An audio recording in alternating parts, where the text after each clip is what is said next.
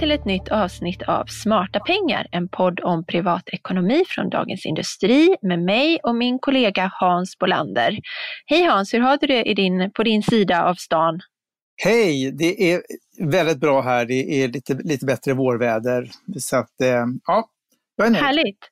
Ja. Du, idag ska vi prata om fritidshus. Det är ett väldigt aktuellt ämne i dessa tider när många sitter och funderar över man e vad man egentligen kan göra i sommar eh, på grund av coronapandemin. Men Först måste vi säga någonting om börsen, för i måndags så kom en ny kraftig nedgång efter den då mycket kraftiga rekyl vi har haft sedan slutet av mars ungefär. Eh, Stockholmsbörsen backade med 4,5 procent på måndagen och under tisdag förmiddag då när vi spelar in det här så eh, så har den gått upp lite igen, nästan 2 procent just, eh, just i denna sekund, men det kan ju hinna ändra sig under dagen.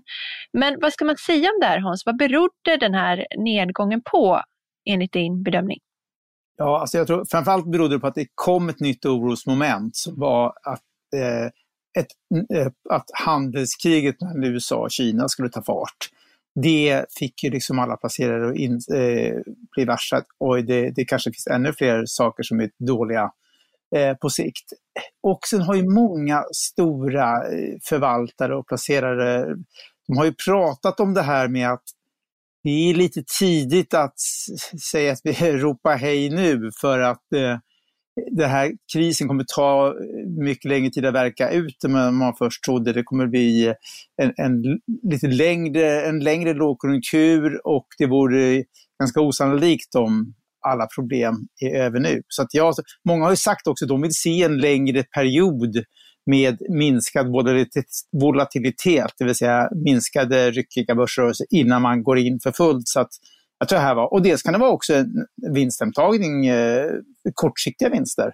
Passa på då när det, för det var, det börsen, den har väl ändå gått upp tror jag 15 procent från botten.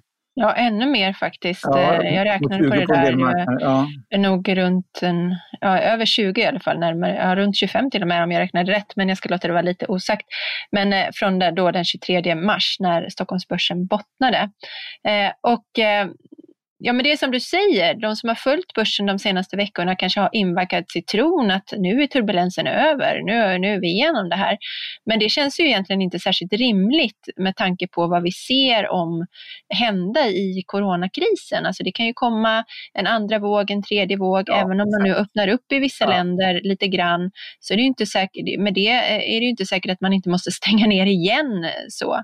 Nej, det kan komma eh, väldigt mycket bakslag. Det kan det verkligen göra, men som vi tjatar om om och om igen i den här podden så ska man ju vara långsiktig helt enkelt när man sparar på börsen. Ja, och för mindre placerare som eh, vi som inte är några finance tycoons som placerar som Buffett, vi gör ju det helt Kategoriserar du det inte som en finance tycoon? Nej, inte jag, jag faktiskt, den självbilden har jag. ja. Nej, jag förstår vad du menar. När, när, man, när du lägger en tusenlapp på en globalfond tänker du wow, det här, är, det här kommer förändra världen. Nej, vi, eh, vi är, eh, de flest, allra flesta är ju väldigt långt från Warren Buffett, helt klart. Ja.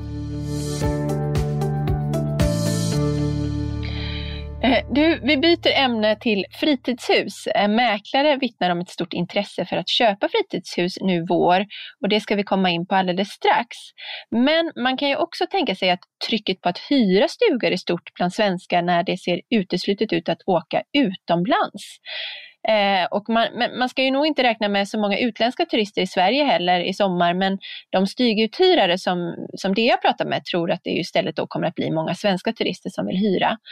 Nu finns det ju fortfarande frågetecken om hur vi får resa även inom Sverige. Jag tänker att en idé kan vara att titta på stugor att hyra i sin egen region i första hand. Vad, tycker, vad tänker du Hans? Jo, nej men jag, har, jag har hållit på och forskat lite grann i det här nu. På. Det verkar ju som att eh, tågen kommer ju köra med väldigt begränsad tidtabell eh, fram till dess att restriktionerna släpps.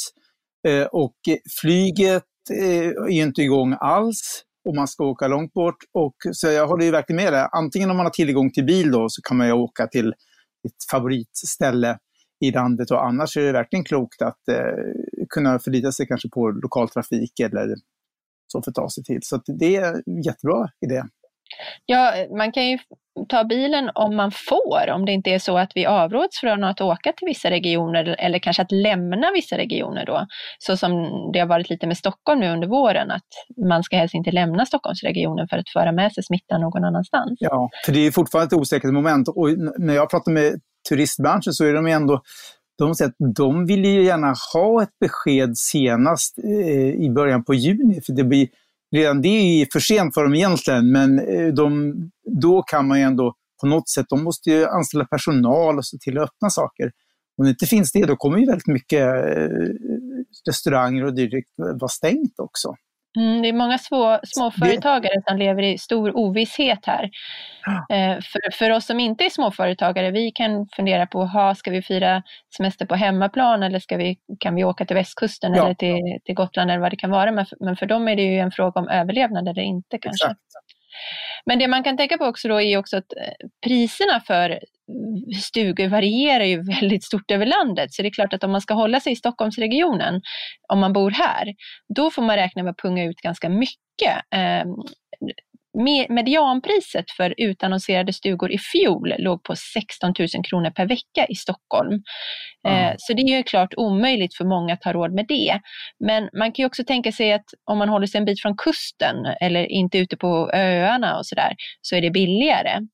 Eh, och sen så då kan det se helt annorlunda ut i andra i kommuner. Mora, Östersund till exempel, så låg medianpriset på ungefär 4 000 kronor per vecka enligt eh, annonserna på Blocket förra året. Då. Så, att, så det beror ju också på kanske vad man, vad man har för möjligheter och vad man kan göra, beror lite på prisläget. Ja, absolut. Och, och, när, du pratar, när du säger det så samtidigt ska man också komma ihåg att det är extra viktigt nu att titta på vad finns det för avbokningsvillkor. För om du bokar en stuga då för, för ganska mycket pengar, så vad finns det för möjlighet att boka av om de här restriktionerna eh, kvarstår? Så det var, läkarintyg är en klassisk sak som brukar gälla för att boka av men eh, i det här fallet så tror jag att en del har, har infört lite generösare villkor just för att kunna överhuvudtaget få, eh, få uthyrt. Så att det tycker jag man ska efterfråga om man hyr någonting. Finns det bra? Ja, det borde ju stå i avtalet kan man tycka då att om, om vi avråds från att, eller för, avråds eller förbjuds att, att resa någonstans så, så ska man kunna få pengarna ja, tillbaka. Du är tipställd den frågan och kräv det skriftligt. Mm. Själv siktar jag då på att tälta mycket i sommar eftersom det, vi gillar att göra det. Eh, och då har jag istället lagt pengar på att hyra en bil i två månader. Jag har ju ingen bil, egen bil. Eh, och Nej. det är många biluthyrare, ut, biluthyrare som erbjuder månadshyra. Och det är faktiskt också ett väldigt bra tips för det kan kosta lika mycket som att hyra ett par veckor. Jag, jämför, jag brukar ju hyra bil eh, ja. och, och, det blev jag varse nu att ungefär vad jag kanske har betalat något år för två veckor, det fick jag nu för en hel månad. Då. Ja, det är eh, jättebra. Och är det nytt för i år, Byggan, det här? Nej, det, det nej, det är det inte, utan det brukar ja. de ha. Men jag tror att det kommer bli mer aktuellt och jag hörde faktiskt att ett, det företag som jag har hyrt hos, de har en kampanj just nu och de har blivit totalt nerringda med bokningsförfrågningar. Så de fick ta in, de fick ta in folk igen som de har korttidspermitterat och sagt upp och så, för att, för, bara för att kunna hantera alla bokningar. Ja. Så det, det, är nog en god idé att vara ute eh, i god tid om man vill hyra en bil en längre period eller även en kortare period. Då. Och det som är fördelen, då har man ju friheten att röra sig och göra utflykter. Även om man då håller sig i sin egen region så får man ju en annan eh, frihet att göra saker. Så jag tycker det är ett väldigt bra alternativ att, som något att lägga pengarna på då, om man inte kan resa. Ja, ja men för, för kollektiva men det känns ju än så länge osäkert. Det, det är avhängigt av om Folkhälsomyndigheten säger okej okay till inrikesresor, då kommer vi naturligtvis släppa. Men det är frågan också där. Jag vet att bussbranschen till exempel, de, de går på knäna, de har svårt. Det kommer att vara bussföretag som, som eh, hinner gå konkurs innan mm. sommaren. Mm. Men du Hans, den som kanske då vill köpa ett fritidshus, hur ser marknaden ut? Alltså det, det, här är ju, våren är ju klassiska tider då man tittar på, då det börjar bli fint ute, så vill man, då vaknar intresset hos många så tittar man på fritidshus. Där, där har alla mäklarna rapporterat om, om eh, ett stort intresse, många är och tittar. Så det, det är två, det ena som väger på att intresset är starkt, det är ju det, det här som säger, att mer fokus på inrikessemester. Eh, det ökar intresset. Det som håller emot är ju då att det är osäkra tider och att köpa fritidshus är ändå en inte nödvändig vara, till skillnad från att köpa en bostad att bo i. Så att då är det, jag tror att eh, de som känner sig helt trygga med sin ekonomi och har den typen av jobb och sånt, de kommer nog absolut gå vidare och köpa ett fritidshus. Medan det finns andra då som kanske eh, funderat på och de kommer lägga ner planerna än så länge. Mm. Eh, traditionellt sett kan man säga så har fritidshus följt med övriga småhus, villamarknaden. Det har varit så ända sedan 70-talet så har det skuggat, prisutvecklingen har skuggat. Det har gått lite snabbare upp i framförallt i storstadsområdena. Eh, för fritidshus eller för ja? Fritidshus, fritidsshus har gått den lite högre, 0,7 ungefär, sedan 70-talet, eh, årlig prisökning än småhusmarknaden. Men kan man inte förklara det genom att, eh, att fritidshusen har blivit mer lyxiga, eller, eller lyxiga kanske är fel uttryck, men, men att vi, vi vill ha mer bekvämligheter i våra hus och standarden har höjts och då höjs ju också priserna. Så att det kanske, ja, Exakt, ja, men det, det, tror jag, det, det är huvudet på spiken. Så, så, tror jag absolut att det är. För det, det är en jättestor skillnad.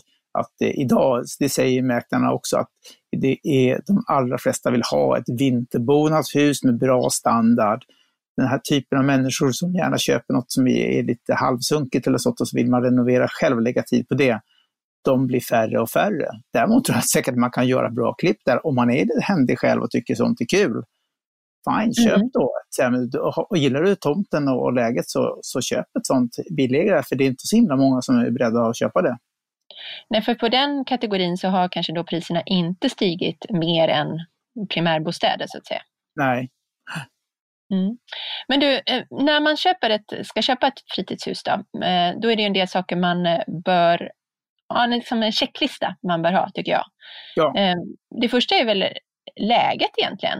Och att ja. man funderar över vad man vill ha ut av sitt fritidshus och hur långt det är till, till det som man då värderar eh, mycket. Eh, om man vill ha total eh, avskildhet eller eh, nära till affär eller sådana där saker. Ja, och, exakt. Eh, möjligt att få kompisar till. Har man barn så finns det kompisar till dem eller kan man ta dit kompisar. Jag, jag håller med dig. Läget, läget, läget. Det är klassiskt. Det är det viktigaste. Mm. Vad är nästa grej tycker du man ska ha, ha på sin checklista? Mm. Nästa grej är, eftersom vi pratar om en, eftersom priserna, snittpriserna nu ligger på 2-3 miljoner i många fall, så det är väldigt mycket pengar. Så då tycker jag liksom att det, då är ju huset, förutom då tomten och läget, så är husets standard viktigt, att det är ett bra hus. Att det, jag skulle inte köpa ett eh, hus för 2-3 miljoner utan göra en besiktning. För det första av en, besikt, av en uh, riktig besiktningsman. Eh, och sen så är det ju kolla på framförallt man tak och grund, badrum, kök. Det är sånt som är dyrt att åtgärda. Finns det stora renoveringsbehov där så man ta in det i kalkylen eller försöka pruta. Andra... Man får försöka uppskatta vilka kostnader som, ja, hur, hur, lång tid är det kvar tills man behöver byta taket kanske? Ja. Behöver det bytas inom fem år? Vad kostar det då? Också kanske vad det månatliga ja. underhållet är för man kanske ska vara ja. ärlig. Hur mycket vill jag själv det kan ju vara lätt att tänka så här, men det där fixar jag och det där kan vi göra i familjen och vi målar om och vi tar nästa års semester till att måla fasaden. Men frågan är, när det väl kommer till kritan, vill man göra det och har man tiden eh, och har man kunskapen till de här sakerna man och, för, tänker att man ska göra också? Ja, och har man inte det, då, måste, då blir det en kostnad såklart om man ska anlita hantverkare och sådär. Ja, jag håller med och, och just det här kanske rör, vatten vatten och el, det är få som klarar av att göra det själva som har behörighet att göra det överhuvudtaget. Så det måste man ju. Så jag det kan ju bli värsta försäkringssmällen om man har gjort det själv ja. på fel sätt. Ja, men så där är det jätteviktigt att ha en, eh, en, eh, en liksom realistisk kalkyl på årliga renoveringskostnader. Det, det kostar, tror jag, det tror man ska definitivt om man har ett lite större hus, eh, så får man ju räkna med att lägga undan att det kommer kosta 10, 20, upp till 30 000 om året i renoveringskostnader. Men det kan, mm. vissa år naturligtvis så kanske det inte kostar en krona, men att du måste måla, byta någon bräda någonstans eller så. Men an, andra år så kan det, just om det blir de här vatten och, och eh, sådana saker så, så kostar det pengar. Och sen ska man inte underskatta de här kostnaderna heller för som man lätt glömmer bort. Det är sophämtning och det är fastighetsskatt och det är uppvärmning. Ska man ha vinteruppvärmt eller elkostnaden för det. Så att det, Ja, det bör man ju ha koll på vad det är för värmesystem i huset. Så att, eh, ja, ja, ja, absolut. Många äldre hus har ju fortfarande direktverkande el och sådär. Det är 70-talshus. Och, och fler fler vill ju eh, använda huset fler gånger på året än sommaren. Mm. Och, och, många planerar ju också med att ja, men jag ska bo längre, flera månader om året när, när jag går pension och så där. Så att, ja, då får man mm. planera för det. Men det kostar nu är elen väldigt billig, men det är ju inte säkert att det kommer att se ut så hela tiden. Nej. Nej, nu är det, det är exceptionellt. Dels har vi gått in i, där i produktionen helt, eh, eller där till, tillverkningsindustrin och sånt eh, står stilla stora delar och, och sen så är det exceptionella förhållanden på elmarknaden, som säger. Så att jag tror att det var billigast på flera decennier nu. Va? Mm. Rörliga priset. Ja. Du, mer då? Jag tycker man bör ju ha koll också på marken omkring och man kanske har en jättehärlig äng framför huset så tycker man åh vad härligt. Men, men så tre år senare så, så byggs det någonting där så man förlorar hela sin utsikt. Sånt bör man ju också ha lite koll på. Ja, verkligen. då ska man fråga, först ska man fråga mäklaren som, som måste uppge sånt där, ta reda på det, men det är inte alla som har eh, riktigt koll på det. Så jag tycker att ofta finns det kanske en sommarstugeförening, prata med dem, ordföranden eller någon person i den styrelsen, eh, vad det finns. Och så kommunen framförallt, ska man ju, där finns ju detaljplaner och så. Ja, för det är också en bra sak att skaffa en tomtkarta, att man ska säkerställa så att gränserna är rätt, alltså att inte man har gjort, eller då den tidigare ägaren har gjort intrång på någon annans tomt eller, eller tvärtom kanske. Nej. Um, det, har jag, det har jag ju varit med om kompisar som har upptäckt när de skulle bygga ett attefallshus, att uh, tomtkartorna som ja. fanns på Lantmäteriet stämde inte med de som fanns i sommarstugeföreningen så att säga. Så den, någonstans det var väl egentligen deras kartor i föreningen då, eller samfälligheten som var rätt, men någonstans har det blivit, genom historien så har det liksom blivit fel när Lantmäteriet har gjort kartor. Så det, de, det blev ju jättetokigt och, och, de fick ju flytta det här huset och kosta jättemycket pengar. Och så. Jaha, så det, ja. det, ska man, eh, det ska man bara ha koll på, verkligen. Ja, precis. Och så, ja, och likadant, finns det då eh, finns det någon som har rätt att gå, gå över din tomt för att komma någonstans? Eller vice versa, har du rätten att korsa någons tomt för att ta dig ner till vattnet till exempel, eller till någon väg? Det, kan ju vara, det ska ju också framgå då i, i, i hela... Ja, om det finns några servitut som eh, ja, gäller båtplats exakt. kanske, eller, eller är det bara någon muntlig muntlig överenskommelse. Det kan ju hända att den nuvarande ägaren har en båtplats men, men följer den med? Det är ju inte helt säkert. Det kanske bara Nej. är just till den personen efter någon personlig nyttjanderätt eller sådär. Ja, så det ja, behöver man också ha koll på. Ja, precis. Det är en annan sak som har kommit. I populära semesterorter har det blivit allt vanligare med eh, bostadsrätter. Så att, Just det. Mm. Ja, och, det är, där är det viktigaste, tycker jag, är ju, i alla fall en av de viktigaste sakerna är att kolla hur ser belåningen ut i bostadsrättsföreningen? Finns det stora lån? Eh, vad har, eh, och eh, hela den finansiella situationen, så att säga, förutom skicket på själva bostaden. Men det är ju ett, det, det, det är inte ett, det är ett bra sätt om man gillar att ha lite folk runt omkring sig och socialt liv. Så en bostad, och du får det oftast då liksom, helt modern standard allting, så att kan verkligen vara bra. Ja, men då är det ju precis samma principer som gäller som om man köper en bostadsrätt eh, alltså som ja. sin primärbostad. Alltså det här med att kolla ekonomin och så som du säger.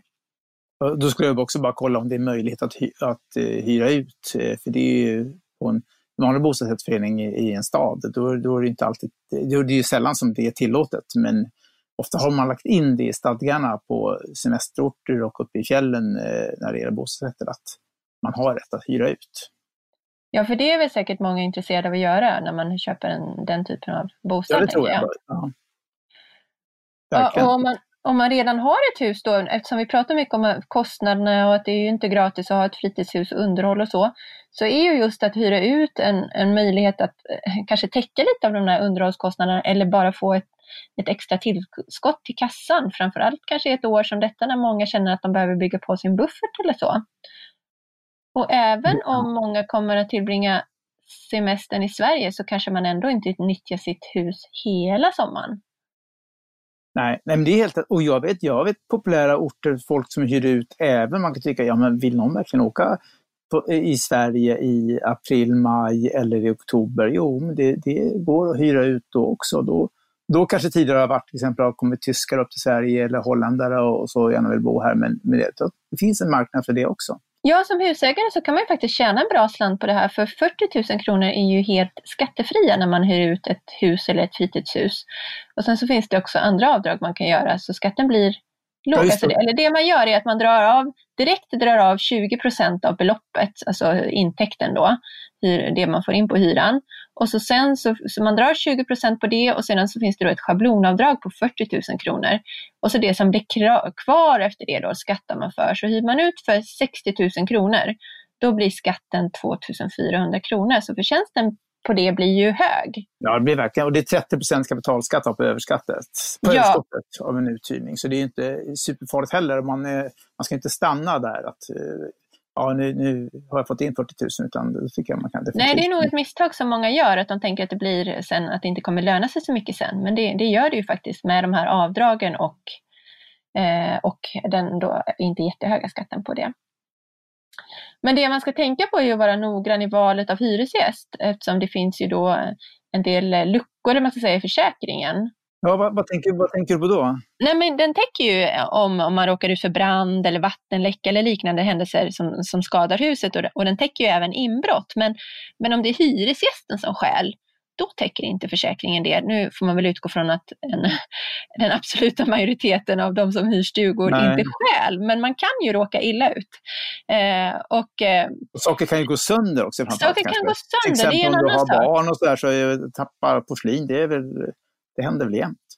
Precis, och då går det någonting sönder när man hyr ut, då täcker ju inte heller ens egen försäkring det. Till exempel om en fönsterruta spricker, en fotboll som uh, går rakt i fönstret eller någonting sånt där. Då täcker inte din försäkring det, men däremot så kan hyresgästens försäkring täcka det. För att de allra, allra flesta har ju en hemförsäkring, det har ju nästan, jag tror att det är 98 procent eller någonting som har det. Mm. Och då omfattar den även saker man har lånat eller hyrt. Men då ska man ju ha en drulle drulletillägg i sin hemförsäkring. Då. Eh, så det kan man ju fråga hyresgästen om den har Aha. Eh, för att vara på den säkra sidan. Men sen ska man ju helt enkelt plocka undan saker man är rädd, eh, rädd om eller så, saker som är värdefulla ska man självklart inte låta vara framme, det fattar, väl, det fattar väl alla. Och så sen gärna då skriva en inventarielista för att undvika diskussioner om vad som egentligen fanns i huset och kanske på tomten då um, ja, det behöver inte vara att någon har ont uppsåt eller någon verkligen stjäl någonting, men tänk om man tror att man hade tre cyklar och så kommer man och så har man bara två och hur var det med den saken egentligen? Ja. Och så, där. så det där tycker jag att man ska vara eh, noga med. Det, absolut, och är man extra, eh, om man är extra noggrann, då kan man ju hyra ut via Airbnb, för då har du någon typ av referens på de som hyr. Ja, det finns ju flera sådana uthyrningssajter, bland annat Airbnb, där tidigare hyresvärdar och hyresgäster kan lämna omdömen om varandra och det är ju ett väldigt bra eh, sätt ja. faktiskt. Men annars kan man ju alltid be om några referenser också om man känner sig osäker på det. Ett, ett sätt är också att be om en deposition för att täcka kanske små saker som det, kanske, det täcker ju kanske inte något jättestort eller något jättevärdefullt, men ja, men som om en te, ja, fönsterruta går sönder. Så istället då för att hålla på och gidra med försäkring och sånt så kanske man kan använda depositionen till det då helt enkelt. Ja, för det är krångligt att hålla på att driva in och sen finns det här gamla klassiska talesättet, det är svårt att lugga en flintskallig. Det vill säga, det är någon som inte säger att jag kan inte betala. Ja. Nej, hur ska man, ja det är svårt precis. Så ja. att det, det, det, kan ju vara eh, ett bra alternativ. Eh, men eh, här finns säkert många möjligheter, även om det då råder stor osäkerhet kring vad som kommer hända i sommar. Ja. Hur ska du själv göra i sommar? I sommar blir det Sverige. Eh, får, hade planerat lite, inte resor utomlands, men lite resor. Jag gillar ju tennis och då hade jag tänkt att kanske åka ner och titta på Båstadtennis, men det tror jag att jag ställer in nu, för dels tror jag inte att Båstadtennisen blir av på grund av att man ställer in alla sportevenemang i likhet med festivaler och konserter. Eh, så att det blir eh, en sommar på landet, men det gillar jag. Så att det, det, är inget, det är inget fel med det. Och du själv Nej. då? Nej, men det blir den där bilen och åka ja, runt och, och tälta och, och, så, så får vi ju se eh, hur mycket man får lov. Min familj har ju sommarstuga på västkusten, men det, det ja. återstår ju se om vi kommer kunna åka dit eller inte. Och hur, långt, är... hur långt du orkar köra? Ja, Eh, eh, så vi får se, men det vi kan hoppas på är ju en fin, fin sommar med fint väder i alla fall. Ja, det vore det bästa. Mm. Det var våra tips som vi tänkte dela med oss av idag. Eh, podden redigeras av Umami Produktion och ansvarig utgivare för Smarta pengar är Peter Fällman. Eh, I väntan på ett nytt avsnitt så kan ni gärna lyssna på DIs andra poddar. Vilka är de Hans? det finns ju många och eh, spännande nu är ju att följa, tycker jag, Analyspodden och Makrorådet när det gäller utveckling på finansiella marknader. Det är ju superspännande. Och eh, sen har vi ju väldigt eh, djuplodande via digital eh, om eh, utvecklingen av den branschen. Vi har Förnuft och känsla som har djupintervjuer med företagsledare och personer i, det, där, i den ställning. Och eh, sen har vi dagliga eh, några dagliga poddar ja, för att ja, hålla sig ajour med nyhetsflödet. Ja, så det är bara mm. att eh, knappa in och lyssna. Mm. Gör det, så hörs vi igen. Hej då! Hej då!